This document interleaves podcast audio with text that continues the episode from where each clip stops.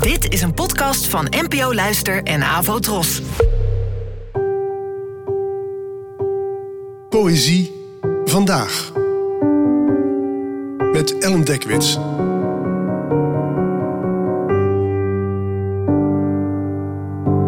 Hallo, fijn dat je luistert. Het gedicht van vandaag heet Wie zal me verlossen? en werd geschreven door de Britse dichteres Christina Rossetti, geboren in 1830 en gestorven in 1894. Het werd vrij vertaald door mij. Wie zal me verlossen? God, geef me de kracht om mezelf te dragen, die zwaarste last van allemaal, die onaantastbare bron van zorg. Alle anderen bevinden zich buiten mijzelf. Ik verzegel mijn deur en sluit ze buiten, de onrust, de verveling, het gedoe. Ik verzegel mijn deur voor mezelf en sluit ze buiten. Maar wie zal het zelf weghouden bij mijzelf, de meest verafschuwde van allemaal? Als ik mezelf eens zou kunnen afleggen en zelf gezuiverd beginnen met de sprint die allen moeten afleggen. De dood gaat hard.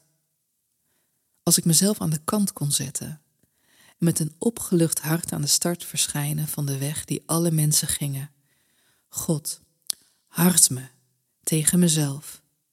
Deze lafaard met sneuwe stem, die snakt naar gemak, rust en vreugde, ikzelf, aardsverrader van mezelf, mijn leegste vriend, mijn dodelijkste vijand, mijn belemmering, welke weg ik ook ga.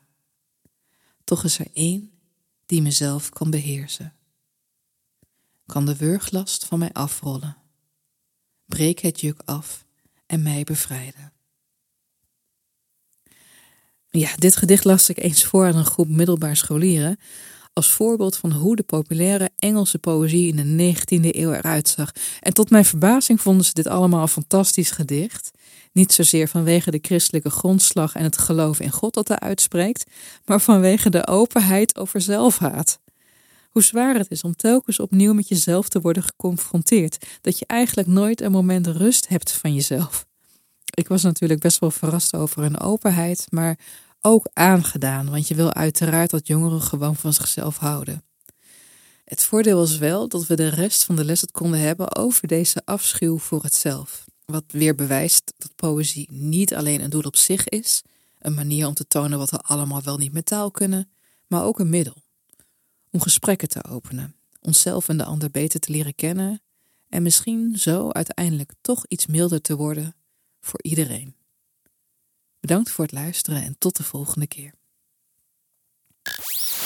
Abonneer je op deze podcast via de gratis app van NPO Luister. Daar vind je ook een handig overzicht van het complete podcastaanbod van de NPO. Afro Tros, de omroep voor ons.